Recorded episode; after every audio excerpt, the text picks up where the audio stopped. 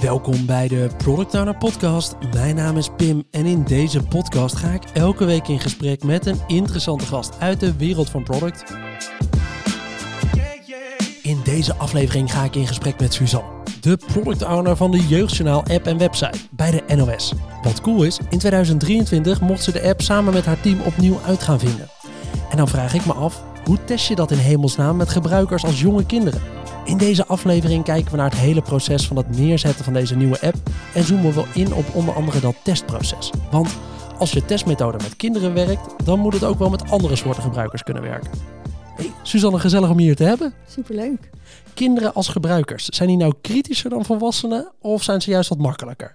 Die zijn wel echt kritischer. In ieder geval eerlijker, wat ik, uh, wat ik ben tegengekomen. Zijn uh, niet bang om aan te geven wat ze ergens van vinden. Ja. Uh, dus ik denk dat dat al echt een hele belangrijke learning voor mij was. het was de eerste keer dat ik met kinderen gebruikersonderzoek heb gedaan. Um, en daar kwamen best wel interessante dingen uit, ja.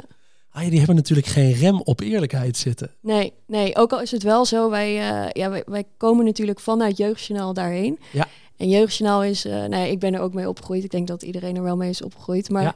Jeugdjournaal is wel echt een statusding voor kinderen. Dus uh, ook de presentatoren, dat zijn een soort uh, BN'ers voor hun. Ja, tuurlijk. Um, dus ze vinden het wel heel erg spannend dat Jeugdjournaal dan naar de klasse kwam.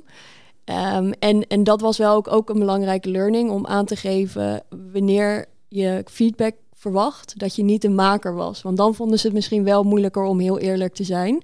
Uh, omdat ze die dan niet echt wilden kwetsen. Ja. Dus uh, dat was wel een, uh, een grappig om te ontdekken. Oh, mooi. Ja, je moet dan gewoon zeggen, je gaat me er niet mee kwetsen, maar Ja. wat vind je hier nou van? Oh, leuk. Ja.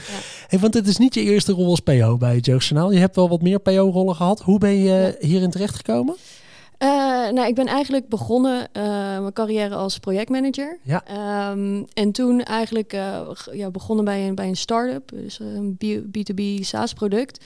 Um, en toen ben ik eigenlijk langzaam van technisch projectmanager naar product owner gerold. Um, omdat ik ja, product owner echt een heel vet beroep vind. Ik eigenlijk continu doorontwikkelen in plaats van een project starten en finishen. Vond Ja. ik veel leuker. Um, dus zo heb ik daar een paar jaar gewerkt. En daarna ook nog bij een ander B2B SaaS product gewerkt als, uh, als product owner. Um, en toen vorig jaar dacht ik, uh, ja, had ik even een evaluatiemomentje van waar ik stond in mijn, in mijn product uh, carrière. En um, dacht ik, misschien wil ik iets meer maatschappelijk betrokken werk doen. Um, ik vind namelijk het leukste aan product dat je het leven makkelijker kan maken van mensen. Ja. Uh, fijner, uh, interessanter misschien. Um, dus wilde ik misschien iets meer ja, maatschappelijk betrokken zijn. Um, en ook eigenlijk de B2C-kant ontdekken. Um, ik had het idee dat dat mij meer energie zou kunnen geven dan B2B.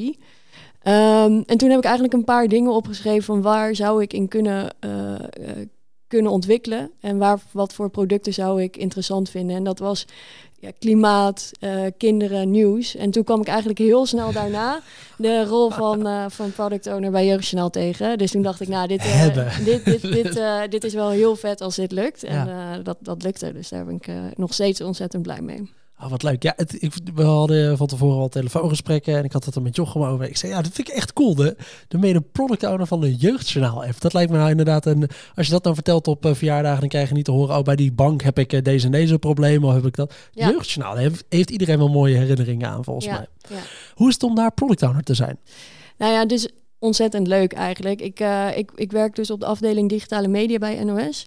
Um, en die hebben meerdere multidisciplinaire teams. En mijn team is onder andere verantwoordelijk voor de subbrands van NOS, uh, zoals we dat noemen. En dat is dus inderdaad onder andere uh, Jeugdjournaal, maar dat is ook producten als teletext, Nieuwsuur, oh. NOS Stories, NOS op 3.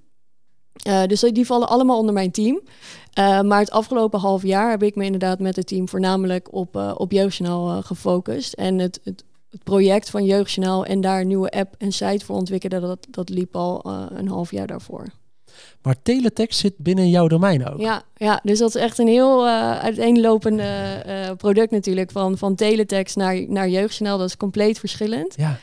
Um, dus dat is ook heel interessant om als product owner die twee verschillende producten te hebben. Want de visie is ook anders waar, waar je aan wil voldoen. Ja, dat lijkt me lastig om te zeggen. Aan de ene kant probeer ik de teletext uh, tools nog door te ontwikkelen. En aan de andere kant ben ik bezig met het jeugdjournaal. Ja, ja en het is wel heel belangrijk voor het team om focus te hebben natuurlijk. Ja. Ehm, dus zo hebben we natuurlijk ook wel inderdaad het afgelopen jaar voornamelijk gefocust op, op jeugdjournaal. Ja. Ehm, en vind ik het heel belangrijk om niet in één sprint aan meerdere producten te werken. En wel echt in productthema's te werken. Dat je zegt, oké, nu focussen we echt om eh, dit probleem aan deze app op te lossen. Ehm, en, en niet verschillende dingen tegelijkertijd natuurlijk. Oh, mooi. Ik blijf het fascinerend vinden hoeveel mensen er nog, en dat zal ook komen omdat ik wat jonger ben, maar nog steeds naar teletext elke keer toe gaan. En op het format van teletext, dat dat echt heilig is. Dat mag je niet aanpassen op wat voor vorm je het volgens mij ook neerzet. Nee. Je kan het in een applicatie neerzetten, maar het moet eruit blijven zien als. Ja, ja, en het is echt eh, ontzettend interessant inderdaad om te zien hoe loyaal de gebruikers van teletext zijn. Dat zijn echt, uh, nou ja, waar we wel naar jeugdsnel naartoe willen eigenlijk. Uh, gebruikers die elke dag in de maand terugkomen uh, naar de app. Dat is heel erg interessant om te zien. Oh, wat goed. Nou, als we wat tijd over hebben, dan gaan we ook nog even teletext inzoomen. Want ik vind dat een, een fascinerend product op zichzelf. Kun je me wat uitleggen over hoe product development is tech en product development nou belangrijk binnen de NOS? Zeker, ja. Ik denk dat de, de product visie en ook van NOS-visie zelf is dat we uh, een product en media zijn voor iedereen en altijd en overal toegankelijk moet zijn. Ja. Um, en zo kom je eigenlijk al snel natuurlijk bij, bij de techkant. Um, je wil dat het nieuws altijd en overal toegankelijk is. Um, en, en daar heb je tech voor nodig. En dat is wel een verandering natuurlijk in, in media, dat dat niet alleen op tv is, maar ook op, uh, op apps, op sites. En, uh, en, en dat zo door ont blijft ontwikkelen. Ja. Ben je met veel product owners? Um, ja, we hebben, ze hebben nu drie product owners uh, bij, bij NOS. Ja. Kijk, en leren jullie veel van elkaar nog hierin, in dit veld? Zeker, ja. Ik, um, ik denk dat het dus. We hebben verschillende producten per product owner, maar we werken ontzettend veel samen. Um, dus uh, daar, daar leren we ook van elkaar. Ja. Leuk. Nou, laten we even wat inzoomen op de jeugdjournaal. Want uh, dat is het thema geweest voor jullie van 2023. We nemen deze nog op ergens in december. Dat is ook de maand waarin deze aflevering of waarin de nieuwe app is live gegaan. Dus Ja. je kan ondertussen gelukkig wat sneak peeks geven van uh, nu het net live is. Deze aflevering zelf komt wat later in, uh, in 2024 uh, live. Maar dan weet je een beetje in welke tijdsframe dit is opgenomen. Want kun je me even meenemen in hoe dat nou eigenlijk is gegaan? Bouwen van een nieuwe app van het jeugdjournaal. Er wordt besloten, we gaan hier iets mee doen. Ja. Wat dan? Nou, ik denk dat het inderdaad belangrijk is om, om te weten van waarom hebben we bedacht dat we er iets aan wilden doen. Um, we zien eigenlijk dat de jeugdjournaal is, jeugdjournaal is een uniek product uh, en een, unieke uh, mediaproduct. Dus het is uh, bijna uniek in de wereld. Um, maar wat we zagen is dat we een ontzettend groot bereik hebben. Um, natuurlijk elke de ochtend en elke avond door de uitzendingen. Maar ook ontzettend loyale gebruikers die terugkomen op sociale media. Um, en we zagen ook dat de app die we hadden en de website die we hadden, uh, nou ja, tien jaar geleden, vijf jaar geleden wel opnieuw is, uh, een beetje opnieuw is ontworpen. Maar eigenlijk niet de boodschap uh, naar voren bracht die we eigenlijk vanuit Jeugdjournaal naar voren wilden brengen. En dat ook invloed had op het aantal gebruikers. Dus hoe, hoeveel bereik Jeugdjournaal kan hebben, zagen we niet helemaal terug in het uh, dagelijks gebruik in de app en site. Um, zo zagen we namelijk dat uh, de jeugdjournaal, ik weet niet of je bekend bent met de Power User Curve, um, uh, die een beetje de loyale gebruikers van een app laat zien. Nee, leg me, als je iets over kan uitleggen voor mij en de luisteraar. Ja, ja dus de Power User Curve is eigenlijk een grafiekje waar je de, de, het aantal dagen op de um, uh, x-as hebt en het aantal gebruikers op de y-as. Ja? En het liefst als je een goed product hebt, heb je een, een uh, smile curve of een right leaning curve. Dat betekent dat uh, wanneer je de meeste gebruikers op 30 dagen, die komen elke dag terug. Dus bijvoorbeeld Teletext, ja. die, die, dat is een, een product met een right-leaning curve. Daar gaat bijna alle gebruikers, die zitten elke dag op de app. Ja. Um, en smile leaning curve is meer dat je uh, de, heel veel gebruikers op die eerste twee dagen hebt en daarna zakt het af en dan gaat het wel weer een paar, paar loyale gebruikers die komen weer elke dag terug. Ja. Uh, wat we bij Jeugdjournaal zagen is dat er voornamelijk de left leaning curve is. Dus heel veel gebruikers die... die Af en toe een keertje in de maand Precies. eens inchecken op de app. Ja, ja, ja. en dat wilden we eigenlijk verbeteren. Um, want we hebben zo'n groot product, of zo'n zo groot bereik, maar hoe kunnen we zorgen dat kinderen vaker terugkomen om bij te blijven met het nieuws? Ja. Um, en dat was eigenlijk de oorsprong wel van, uh, van het onderzoek. En, ehm, en, en reden om uit te zoeken hoe we dat kunnen verbeteren. Oh. oh, dat vind ik leuk dat je een beetje die context erbij geeft. Van ja, je wil inderdaad die gebruiker die meer in je app zit. Want dat is eigenlijk de meest waardevolle gebruiker. Niet dat hij hem alleen op zijn telefoon heeft staan en af en toe een keer een pingetje krijgt en dan denkt, oh, ik ga er even op inchecken. Ja, ja. Maar dat moet je dan gaan vertalen naar een soort kindvriendelijke app die ze wel betrekt bij het nieuws en die past binnen de visie van, van het jeugdjournaal. Wat was de visie van die app zelf vervolgens? Wat moest die app, naast dat die gebruiker vaker moest inchecken, wat moest die gaan doen? Ja, nou daar kwam eigenlijk een heel groot onderzoek uh, van vooraf. Van hoe moet het er inderdaad uit, uh, uitkomen te zien. Um, en ook een verschil maken tussen de site en app. Dus wat we ook initieel hebben gedaan is uh, ja, heel veel data-analyse van hoe wordt de app en site nu gebruikt. Um, dus kijkende naar uh, de tijden um, wanneer een app en site vaak worden gebruikt. Dus we zagen dat vooral de site uh, nou, heeft heel veel gebruikers, maar voornamelijk in de klasse. Dus elke ochtend in de klasse wordt, uh, ja. wordt de site gebruikt om het ochtendjournaal te bekijken. En we zagen juist in de app dat dat dus veel minder gebruikers zijn, maar over de hele dag. Toen hadden we dus ook bedacht, oké, okay, kijk, dat zijn dus eigenlijk twee verschillende producten voor het jeugdjournaal die we moeten ontwikkelen. Ja. Um, en toen hebben we eigenlijk gezegd, oké, okay, dit is genoeg om een onderzoekfase te beginnen over de, hoe we dit kunnen verbeteren. Um, en, en zo is eigenlijk een onderzoekperiode van een jaar gestart. Wow. Um, inclusief de uh, ontwikkeling. Okay, om, ja, precies. Dat is, uh, de, die periode van een jaar is geweest van de start van dit onderzoek. Van we gaan hier iets mee doen. We gaan er twee verschillende producten van maken tot de eerste oplevering. Ja, Juist. Ja, ja, ja. En eigenlijk hoe we, hoe we dat hebben gedaan, of, of ook collega's hebben gedaan, is uh, door middel van ja, de Double Diamond Design methode. Ja. Betekent dat je eigenlijk een probleem diamond hebt op het begin en een solution uh, diamond. Ja. Um, dus je begint eigenlijk op het begin om te on onderzoekfase heel veel informatie te verzamelen. Um, dus inderdaad data-analyse, concurrentenanalyse, marktanalyse, onderzoeken over hoe gebruiken kinderen eigenlijk uh, media nu.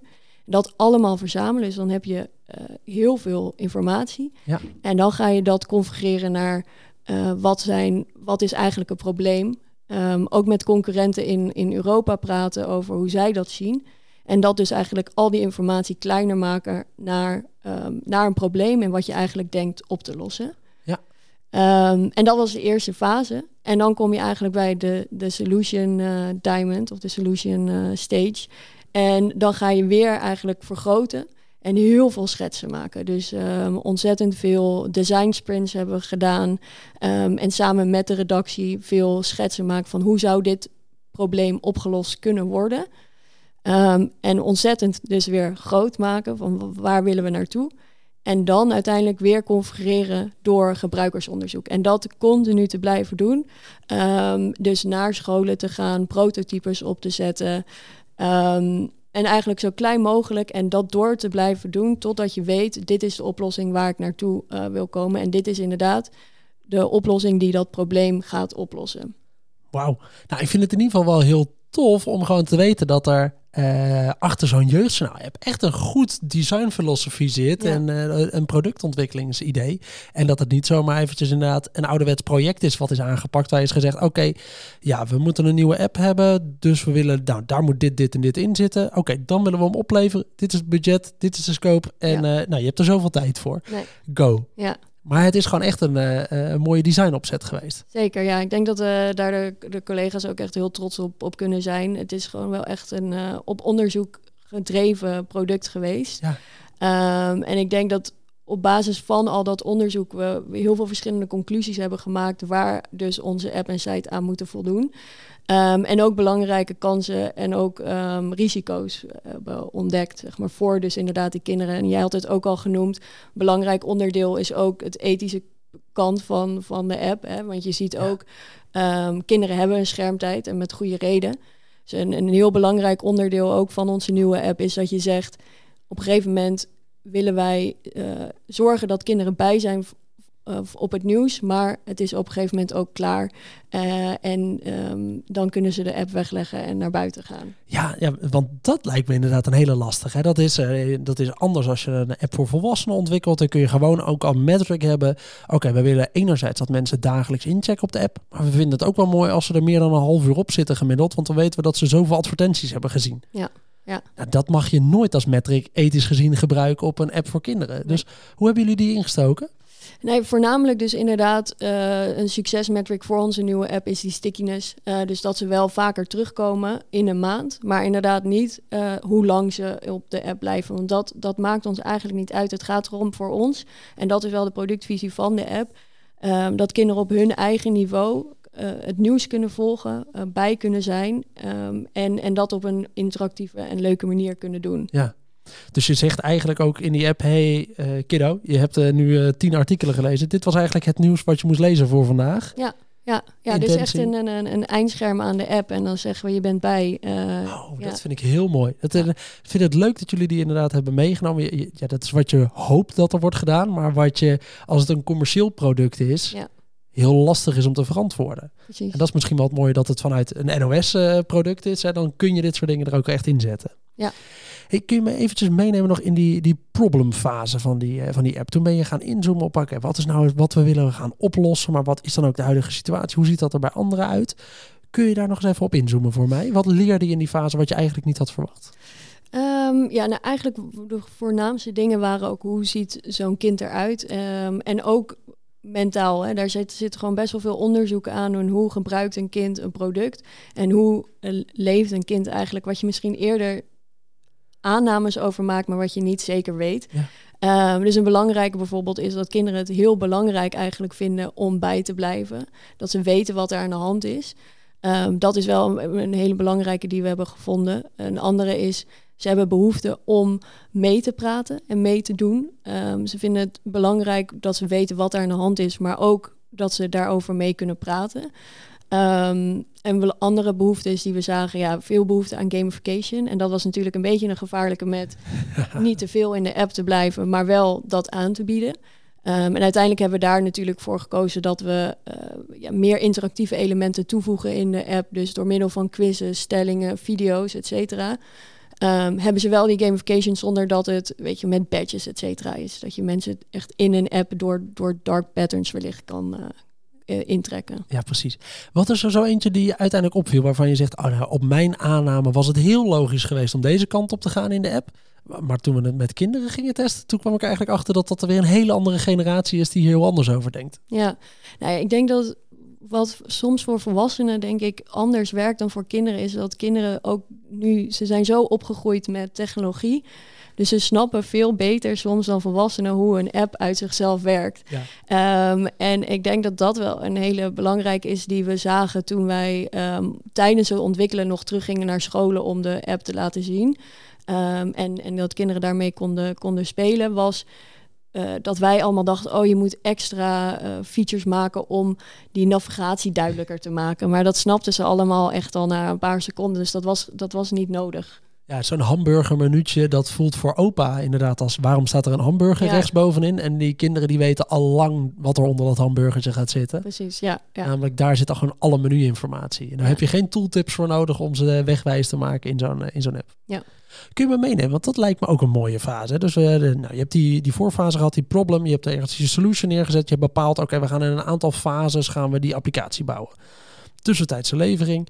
Wat was het eerste moment dat je naar een school toe ging en dat je inderdaad zei: Oké, kinderen, dit hebben we bedacht. Help ons eens eventjes. Wat vind je hier nou van? Kun je dit, waar zou je nu klikken? Ja. Hoe zag die eerste keer eruit dat je dat ging doen?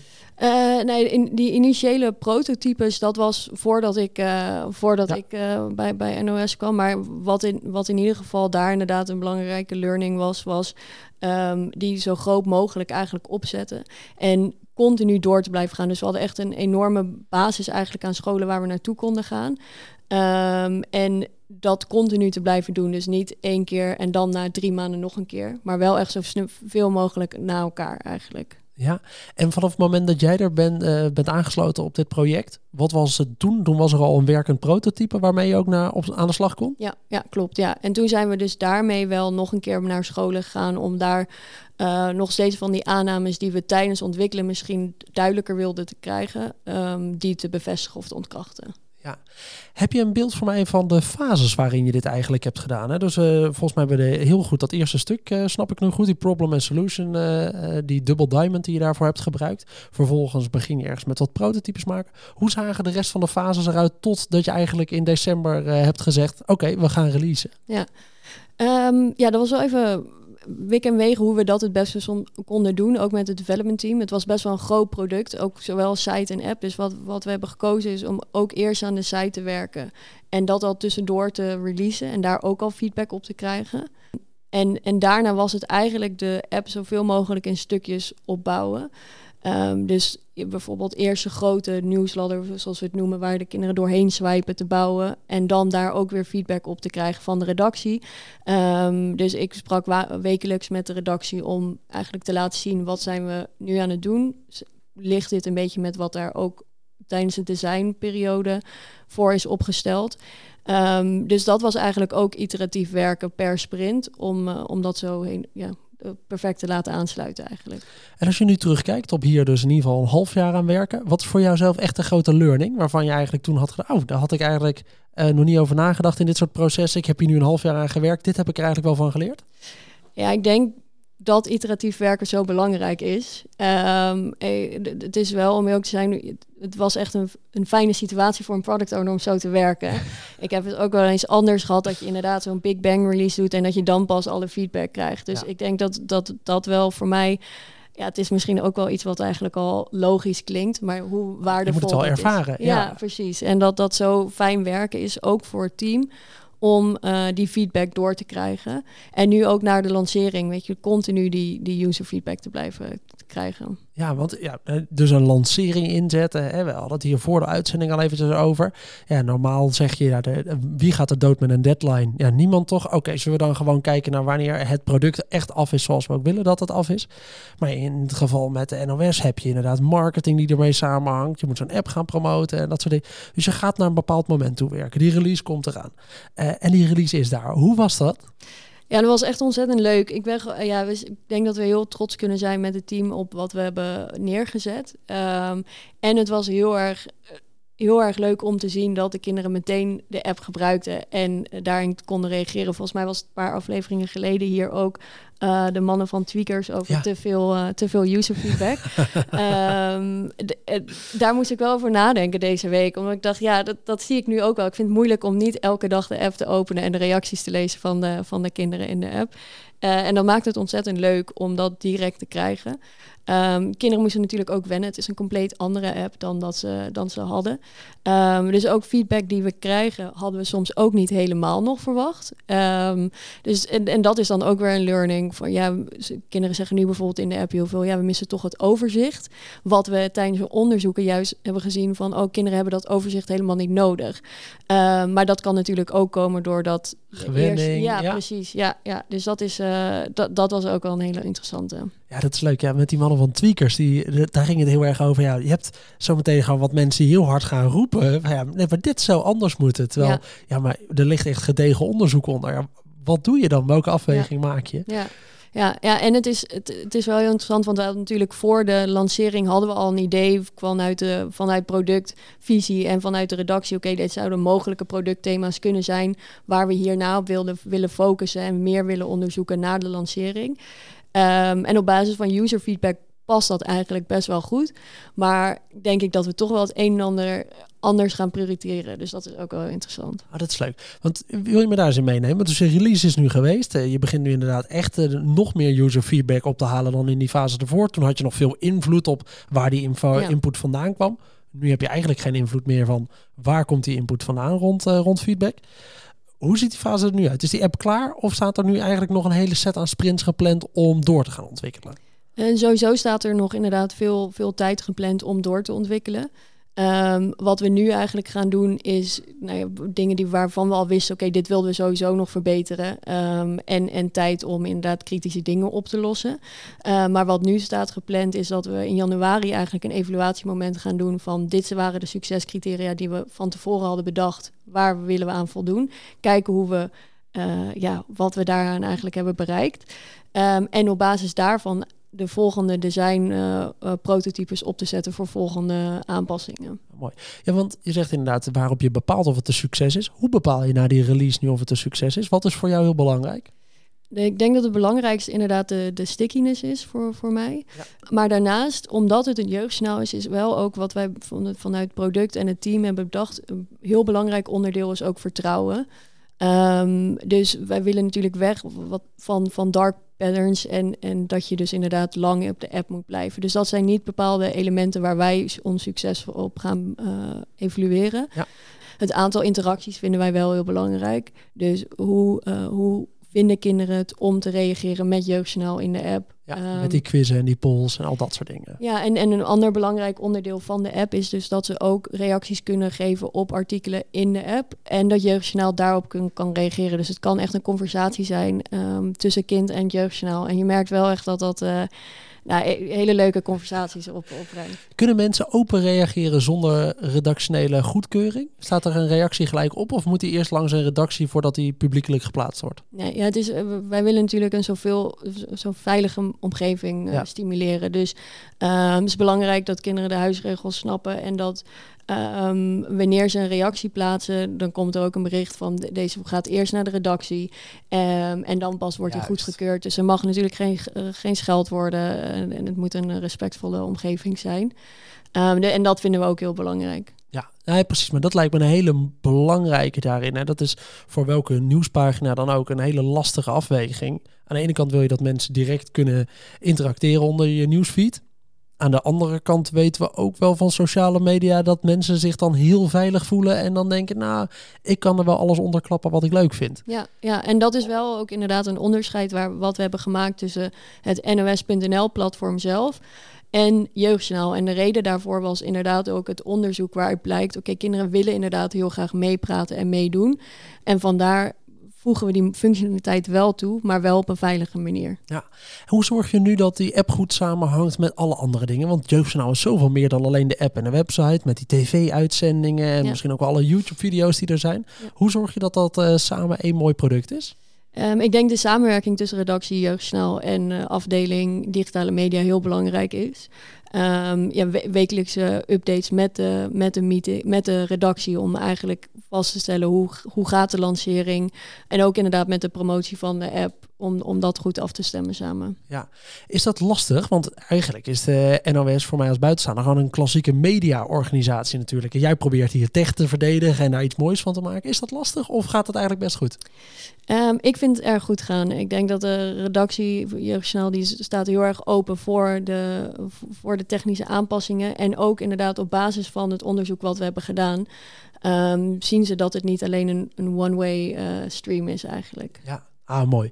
Ik vind het leuk. Ik, uh, ik snap een stuk meer van het, van het jeugdjournaal, zo'n app. Ik vind het ook leuk dat je inderdaad dat hele proces even hebt toegelicht. Vanaf dat eerste probleem tot wat er nu staat. Ik denk voor de luisteraars met kinderen heel leuk om... Nou, als je nu die app op de, de telefoon van je kinderen ziet staan... dan heb je een heel ander beeld er misschien wel bij... Uh, met de afwegingen die zijn gemaakt in de ontwikkeling. Uh, ik vind hem heel leuk. Zullen we eens even inzoomen op wat nou de lessen zijn... die misschien jij hier wel uit hebt gehaald... en andere PO's hier misschien ook wel uit kunnen halen? Want nou, je hebt even dit hele traject doorgelopen. Je hebt ook andere dingen geleerd. Wat is voor jou een les die is blijven hangen waarvan je zegt: Oh, dat is ook wel echt een tip die ik misschien anderen wil meegeven? Nou, ik denk dat dat wat we al hebben besproken, dat iteratieve erg belangrijk is. Um, en misschien is het een beetje een open deur voor product owners, maar ik zou dat zeker als tip mee willen geven dat dat een belangrijke is. En inderdaad vooraf goed je probleem duidelijk hebben. Ik denk dat dat ook een hele belangrijke was. En om dat te bespreken met, met de stakeholders. Um, ik denk dat als wij dat vooraf niet goed hadden afgestemd, wat eigenlijk het probleem is, wat we wilden oplossen. En dat ook met de redacties af te stemmen, dat het een moeilijker verhaal was om eigenlijk het huidige product op te stellen. Ja, wat is iets wat je hebt gedaan tijdens dit project waar je eigenlijk je hoofd tegen hebt gestoten, waarvan je zegt, ah, dat zou ik eigenlijk niet meer zo doen? Ik denk dat je best wel veel uh, misschien an, op een andere manier zou aanpakken. We, we hebben bijvoorbeeld voor dit product, en het is een complete greenfield product geweest. Ja. Dus, en, en dat is een eerste keer, in ieder geval voor een lange tijd voor NOS, om zo'n compleet nieuw product weer helemaal uh, nieuw op te zetten. Ja. Um, en ik denk dat we daar technisch wat learnings ook uit uh, hebben ge geleerd. Um, van hoeveel tijd moeten we daarvoor uittrekken. Ja.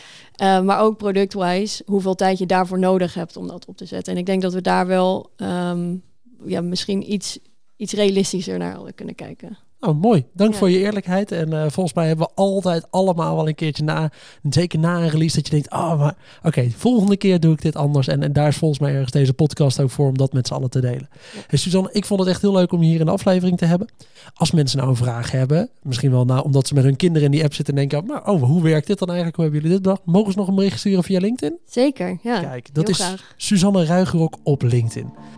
Dan wil ik iedereen weer bedanken voor het luisteren naar deze aflevering van de Product Owner Podcast. Vond je dit nou een leuke aflevering? Vergeet dan niet om onze podcast een review te geven in je favoriete podcast app. Heb je nog vragen of opmerkingen voor mij? Stuur me dan vooral een berichtje via LinkedIn, dat is Pim Pot, of op pim.productowner.nl. En dan hoop ik dat je de volgende keer weer luistert. Tot dan!